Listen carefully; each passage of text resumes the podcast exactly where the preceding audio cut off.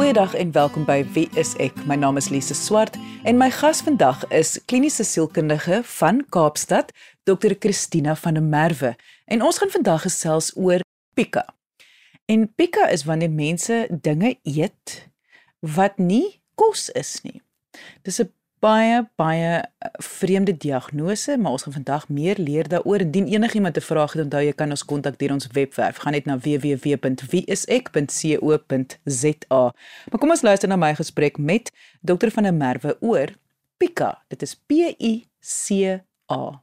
Christina, kom ons begin met wat sal die beskrywing wees, die terminologie van Pika? Die woord pika is is nogal baie lank terug is dit gebruik um, as enige iemand wat 'n ongewone hinkering het na nie voedsel voedsel substans. En dit is hier in die 1500s is die woord as sulks gebruik, maar as ons praat deesdae van pika dan gebruik ons die diagnostiese en statistiese handleiding van geestesversteurings om dit te diagnoseer. En pika val eintlik in daai ehm um, manual of die DSM-5 soos wat ons praat, val dit onder eetsteurings per se. So dit het iets te doen met eetsteurings. En ehm um, daar's sekere kriteria wat vereis word om dit te kan diagnoseer. En miskien as ek deur hierdie kriteria gaan, dan kan jy uh jy weet dan kan jy 'n uh, idee kry van wat presies dit is om pika spesifiek te hê, want ek wil later miskien bietjie praat oor 'n ander aspek van snaakse substansie eet ook. So om pika te diagnoseer het ons 1 maand van voortgesette inname van nie voedselsubstans. So 'n nie voedselsubstans kan enige iets wees van papier tot seep tot materiaal tot hare, tou, wol, grond, bordkruit word nogal genoem, babapoeier. So 'n maand van die herhaalde inname daarvan. Dit moet toepaslik wees vir die ontwikkelingsstadium van die pasiënt. So ons kry baie keer dat kleuters per ongeluk iets insluk of inneem. En dan is dit nie voldoende om te sê daar is 'n diagnose van van pika as uh, as sulks nie.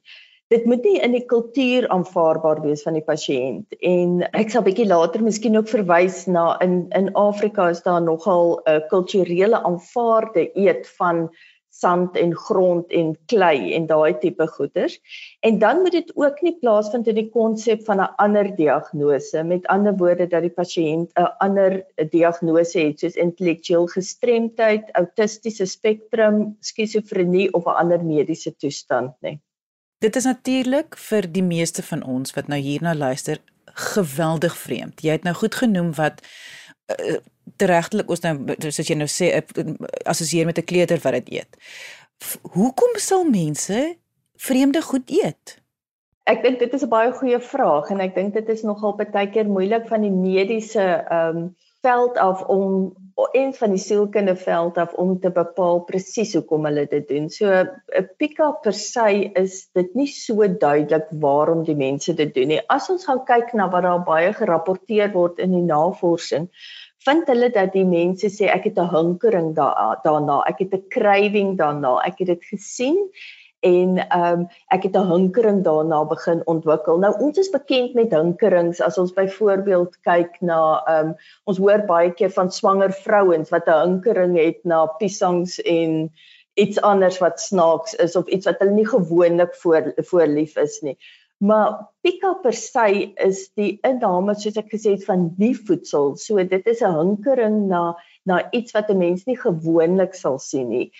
Hulle vermoed as ons gaan kyk na die ontwikkeling van hierdie siektes, verwys hulle baie keer daarna dat dit soortgelyk is aan iets soos alkoholisme of soos rook of soos substansafhanklikheid dat die mense dit begin gebruik het en dat dit dan dan amper afhanklikheid daarna begin ontwikkel en die ontwikkeling as as sulks lyk asof dit iets te doen het met in die brein die dopamien motiveringsstelsel.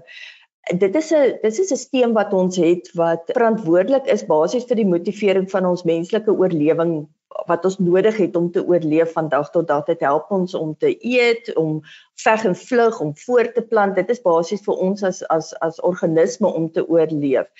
En dit lyk asof 'n afwyking in die dopamien motiveringsstelsel tot gevolg het dat die mense hierdie behoefte of hierdie afhanklikheid daarvan ontwikkel. So dis baie moeilik om om van self op te hou daarmee. Is amper asof daar 'n switch was of dat daar iets verander het in die persoon se brein wanneer hulle dit begin gebruik. So initieel kan dit wees ek sien dit ek wonder hoe dit proe, maar dan ehm um, is dit asof dit 'n 'n ander aard aanneem deurdat die persoon amper begin afhanklik raak om daai ervaring te hê om dit om, om dit in te neem.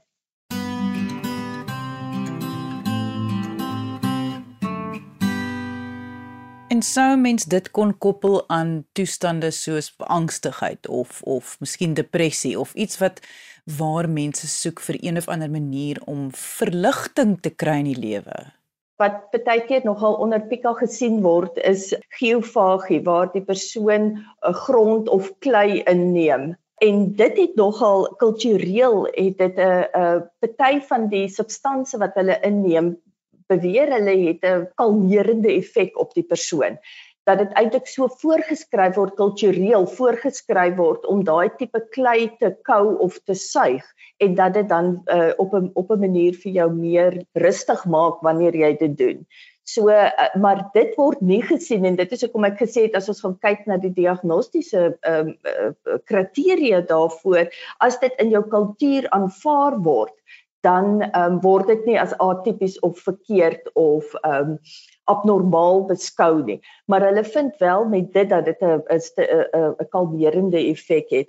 Die inname van goed soos ons baie keer sien van lemmetjies of van stukke glas, ehm um, dit sien 'n mens baie keer by mense wat ehm um, en ek is nie seker wat die Afrikaans daarvoor is nie, maar wat selfharming het, met ander woorde waar hulle hulle self wil wil seermaak. Nie noodwendig dat hulle wil selfmoord pleeg nie, maar dat dit amper 'n manier is vir hulle om om emosies te voel en ehm um, die inname daarvan kan dan wees om amper op 'n manier kalmer te word en te die pyn wat hulle daarmee voel is is amper 'n erkenning van die emosionele pyn wat hulle voel. Die fisiese pyn is is is vir hulle dan 'n 'n bevestiging van die emosionele pyn wat hulle voel. So dit raak amper eh, in sekere gevalle soos 'n 'n hanteringsmeganisme. Ja, dit is 'n baie gevaarlike hanteringsmeganisme. Pika kan dodelik wees ehm uh, nie net as jy skerp voorwerpe inneem wat natuurlik jou ehm um, jou darm kan perforeer of wat baie keer ook gebeur is die mense neem 'n klomp hoeveelhede van uh, goed soos materiaal of tou of papier in en dan vorm daar hierdie obstruksie in die in die darmkanaal en ehm um, dit, dit kan dodelik wees.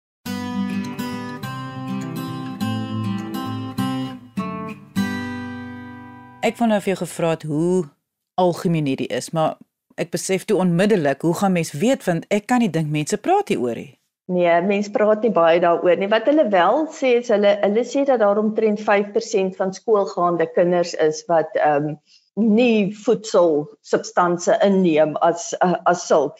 Dis baie meer algemeen onder swanger vrouens en dit is heeltemal 'n onderwerp om amper op sy eie, maar hulle sê tot 30% van swanger vrouens doen dit baie keer waar hulle nie voedsel substansie inneem as sulk.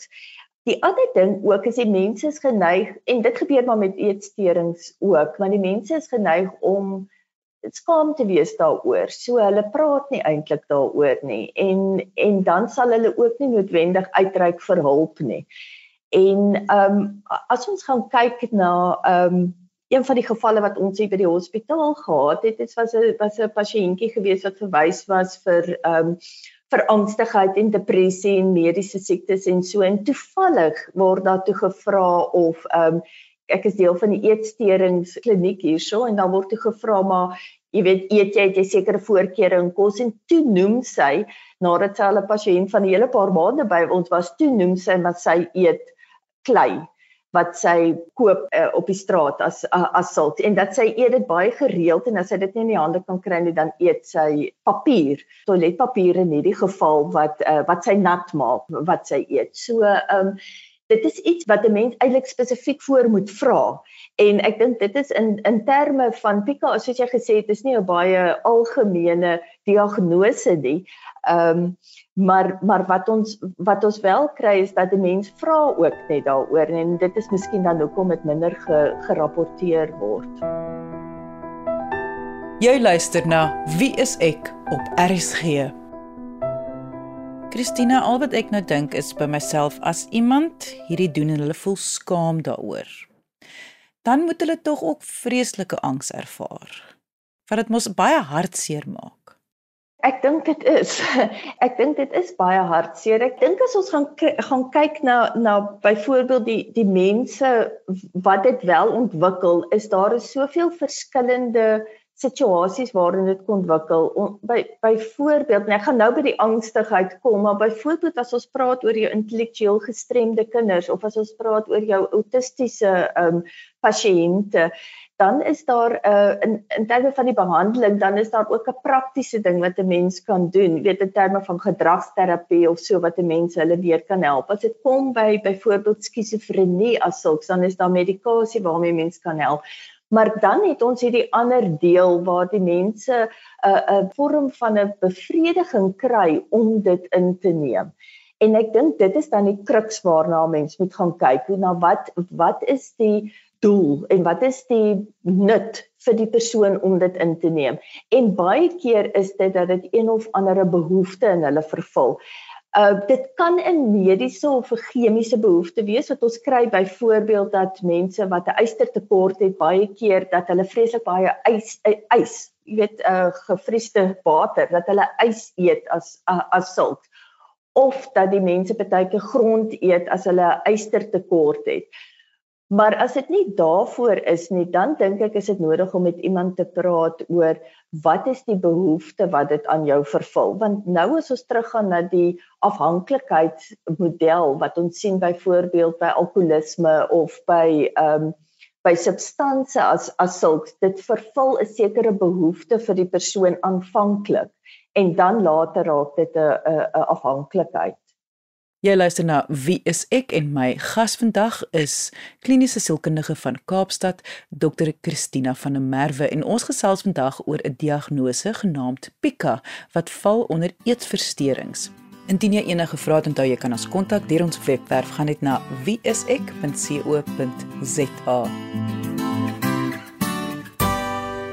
Ek weet nou nie of ek nou heeltemal ek moet nou die aap agter die berg gaan haal om hierdie te probeer verstaan nie, maar die woord beheer weet ek is iets wat ek assosieer met 'n eetversteuring.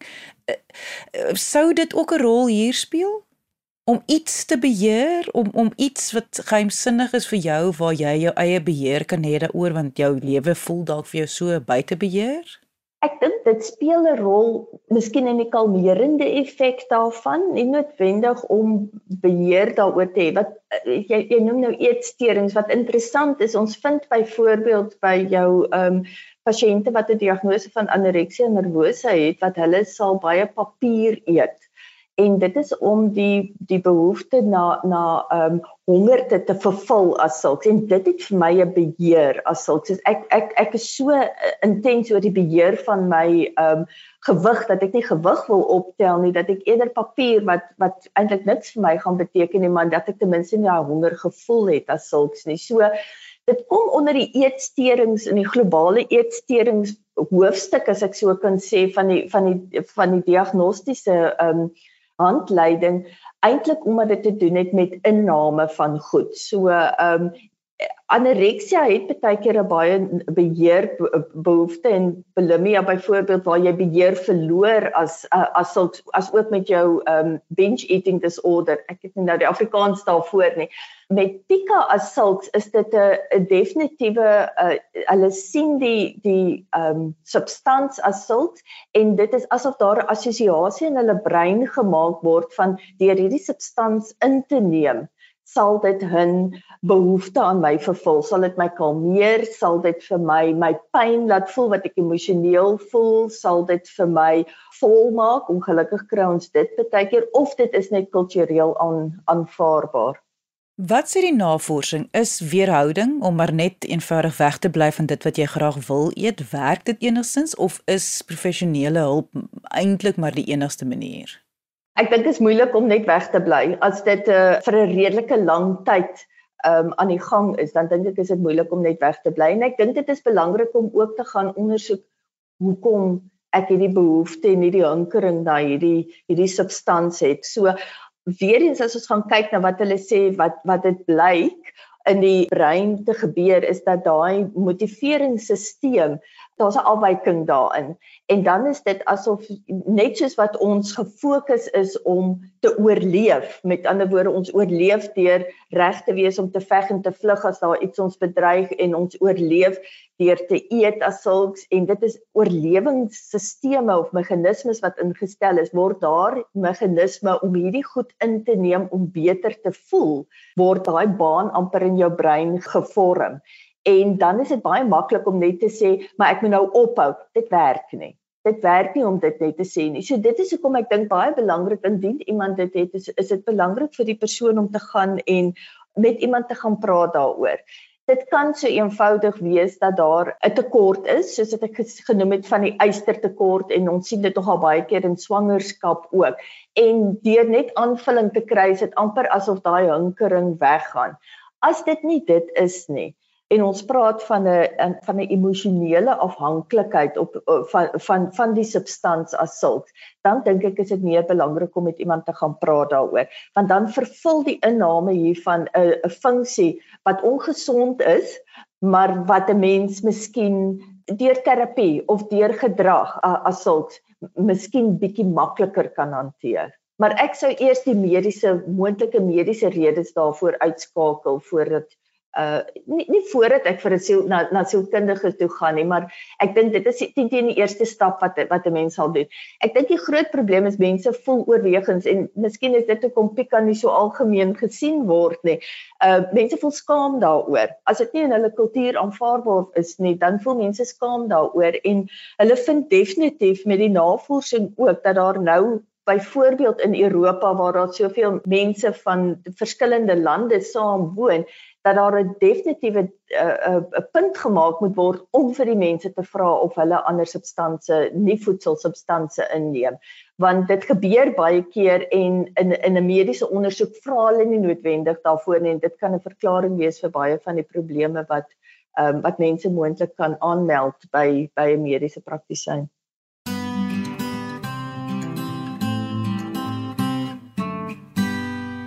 Mense gaan dit nie wegneem van jou nie. En ek dink dit is die grootste probleem hoekom mense nie aanklop wanneer dit daar 'n afhanklikheid is vir enigiets nie. As hulle so bang dan gaan mense net eenvoudig vir hulle sê nou gaan jy ophou, ons gaan alles van jou wegneem en jy moet nou so half hier maar net of verdrink of swem. En net so half daai daai gerusstelling dat daar gaan 'n proses wees wat eers gewerk gaan word om en en stadig maar seker sal sal 'n proses in plek gestel word. Ja. Ek stem heeltemal met jou saam. Ek meen eh, on, ons vind definitief deur net iets weg te neem word daar 'n vakuum geplaas en, en ons wilskrag is nie altyd sterk genoeg om um, om dit te verander nie. So um, ek werk nogal baie met kinders wat wat eetsteurings het en deur net vir hulle te sê maar jy moet net eet, maak nie die eetsteuring weggaan as as sulks nie. So Ons vind gewoonlik 'n kombinasie van om sekere gedrag in plek te stel en dan om te verstaan. Jy weet mense kan nie net iets wegvat as sulks en en net glo maar alles sal nou reg wees nie. Dit is 'n proses wat plaasvind en ek dink 'n mens moet ook verstaan dat daar 'n 'n sensitiwiteit en 'n empatie moet wees.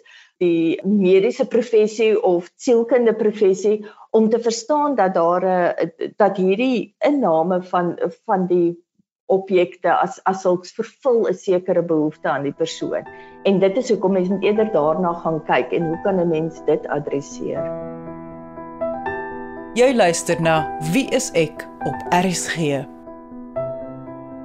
Dis 'n baie moeilike situasie. Natuurlik daar gaan nie baie professionele mense wees wat al voorheen hiermee gewerk het nie.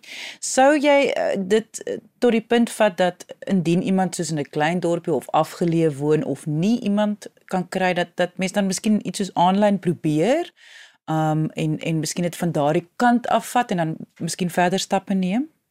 Dit is miskien een van die positiewe goeders wat met COVID gebeur het is die daar daar is baie meer mense wat nou sielkundiges en terapeute wat nou aanlyn terapie doen en ondersteuning bied as as sulks. So ehm um, ek dink ook 'n mens moet gaan ek meen dit is vir my interessant daar was nou in 2021 was daar 'n 'n navorsing wat gedoen is in Limpopo en waar hulle gevoel het dat 75 in 'n klein dorpie het hulle navorsing gedoen oor die inname van nie voedsel ehm um, uh, substansie en 75% van die mense het dit op 'n baie gereelde basis gedoen. Hulle het primêr klei en grondinname en dit was heeltemal aanvaarbaar geweest. Dit is interessant dat daar meer vrouens as as mans was, maar die gevoel was ook dat die mans het nie so maklik gerapporteer dat hulle dit ehm um, dit inneem nie. So ek dink wat ook belangrik is om te besef ek, ek wil amper sê dat mense onderskeid moet maak met wat die substansies wat ingeneem word wanneer 'n mens byvoorbeeld goed soos klei en grond en uh, in in hierdie navorsing spesifiek het hulle gevind dat die mense het nogal 'n vreeslike hinkering om muurshoop grond. Jy weet die muurshope wat hulle daarso sien om daai grond fyn te maak en om dit te eet in 'n in 'n droë vorm as sulk. En dat dit eintlik iets is wat redelik algemeen voorkom in Afrika. En dit is hoekom as 'n mens 'n diagnostiese kriteria gebruik van Pika, dan moet dit baie keer wat wat, wat die mense praat van 'n internasionale en 'n meer verwesterse siening daarvan terwyl dit baie algemeen in Afrika voorkom. Um en glad nie as abnormaal gesien word nie. En ek dink dit is ook belangrik. Wanneer ons praat oor goed soos spykers en lemmetjies en daai tipe goed, dan praat mense nou van iets wat baie meer gevaarlik is. En dan van 'n sielkundige punt af sou dit vir my sê maar daar is amper 'n 'n 'n gevoel wat 'n mens moet gaan kyk maar wat is in die mense gedagtes wanneer hulle dit begine inneem. Aan die ver kant kan ons sê is die persoon moontlik psigoties en dan is dit 'n ander benadering. Is die persoon moontlik ehm um, dat hulle voel hulle wil hulle self skade aanrig as sulk dan is dit vir my 'n ander benadering waarna mense gaan kyk want waarom is dit vir die persoon nodig om te kommunikeer deur hulle self te benadeel en hulle self seer te maak om watter boodskap hulle, hulle eintlik daardeur kommunikeer en dan sal dit wees waarna waarna ek sal gaan kyk van 'n van 'n sielkundige kant af. Kyk daar daar is ook en ek het dit nou nie vroeër genoem nie, daar is ook 'n 'n assosiasie met jou obsessief-kompulsiewe gedrag as sulk, sodat dit amper 'n daai daai loop begin van ek kry een een of ander vorm van 'n bevrediging deur dit te doen. En dan versterk dit die volgende keer as ek dit sien, OCD val weer onder die angstigheid, uh, angs angsterings as sulks. En dit is 'n verligting van angstigheid, jy weet as sulks. En dit was kliniese sielkundige Dr. Christina van der Merwe. Indien jy enige vrae het, kan jy ons kontak deur ons webwerf gaan na www.wieisek.co.za of kom gesels saam op ons Facebookblad onder wieiseksa. Op hierdie einste Facebookblad is daar verskeie videogesprekke wat ek het met medies professionele mense oor sielkundige toestande, menslike gedrag, sielkundige diagnoses van depressie, angs, bipolêr, eetversteurings noem die onderwerp en ons het dit 10 teen 1 al bespreek. So gaan kyk gerus op wie is ek se Facebookblad onder wie is ek SA. Baie dankie dat jy vandag ingeskakel het. Ons maak weer so. Volgende Vrydag, 12:30 net hier op RSG. Jy moet 'n heerlike naweek hê en onthou, kyk mooi na jouself.